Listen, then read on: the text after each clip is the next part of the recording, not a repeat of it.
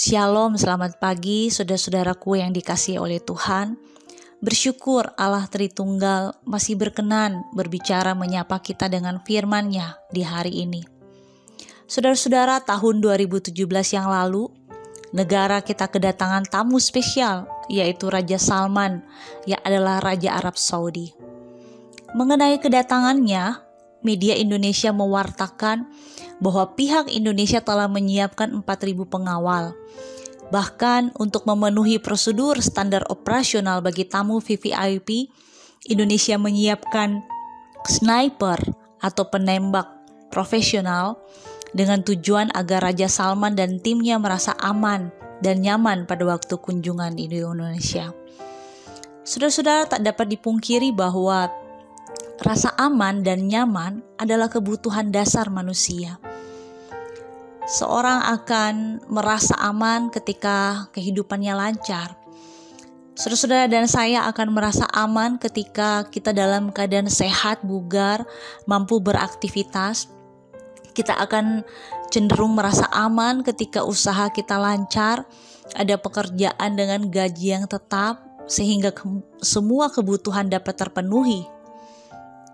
Dan tentu saja, semua hal-hal tersebut akan mengurangi kekhawatiran dan kegalauan kita, bukan? Namun, saudara-saudara, masihkah kita merasa aman ketika ada musibah, ada bencana, ada sakit, penyakit, dan penderitaan yang tiba-tiba menyerang kita ataupun keluarga kita? Masihkah kita merasa aman ketika kehilangan pekerjaan, kehilangan orang yang kepadanya kita bergantung secara finansial? bahkan kehilangan semua yang menjadi tumpuan rasa aman kita. Saudara-saudara, firman Tuhan hari ini hendak mengajar kita untuk bercermin dari kehidupan bangsa Israel. Situasi dan kondisi bangsa Israel dalam konteks kitab Samuel sangatlah tidak aman. Bangsa Filistin menekan dan menguasai mereka tidak hanya bangsa Filistin dari arah barat, tetapi juga dari arah timur, yaitu bangsa Amon.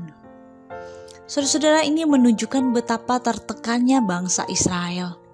Di pasal 4 dikatakan bahwa perang Israel dengan Filistin berakhir dengan kekalahan dan menewaskan kira-kira 4.000 orang di medan pertempuran.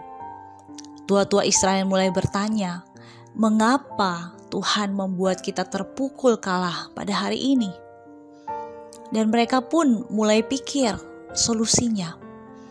Mereka akhirnya putuskan untuk ambil tabut perjanjian Allah yang ada di Silo supaya Tuhan hadir di tengah-tengah mereka dan melepaskan mereka dari tangan musuh. Namun saudara-saudara, tabut perjanjian itu tidak menyelesaikan masalah dan memberikan rasa aman pada mereka.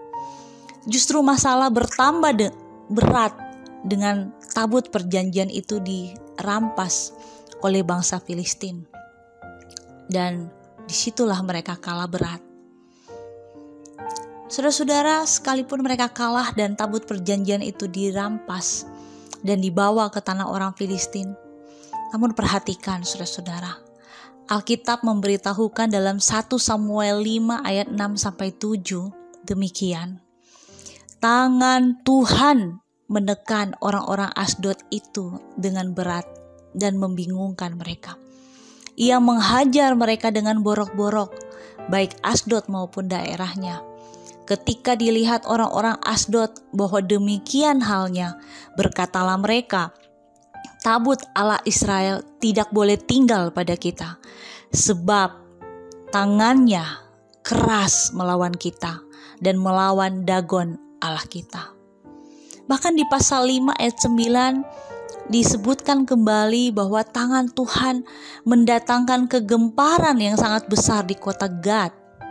Ia menghajar anak-anak dan orang dewasa dengan borok sehingga pasal 6 juga menunjukkan pada kita bahwa bangsa Filistin pada akhirnya mengembalikan tabur perjanjian itu karena mereka telah melihat dan mengerti bahwa tangan Tuhan tangan Allah Israel penuh kuasa dan dapat melakukan apa saja.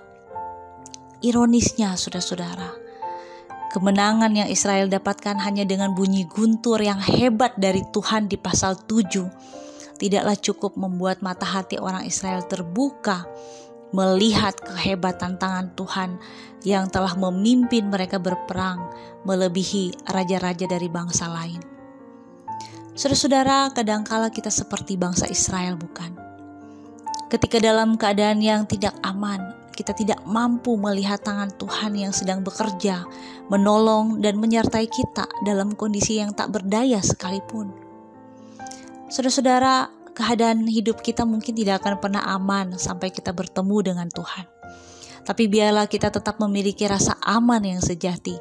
Apa pun yang terjadi pada kita, kita percaya ada tangan Tuhan yang tidak terlihat itu, yang tidak pernah meninggalkan kita.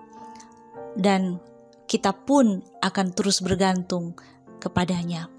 Kiranya Tuhan menguatkan iman kita hari lepas hari. Amin.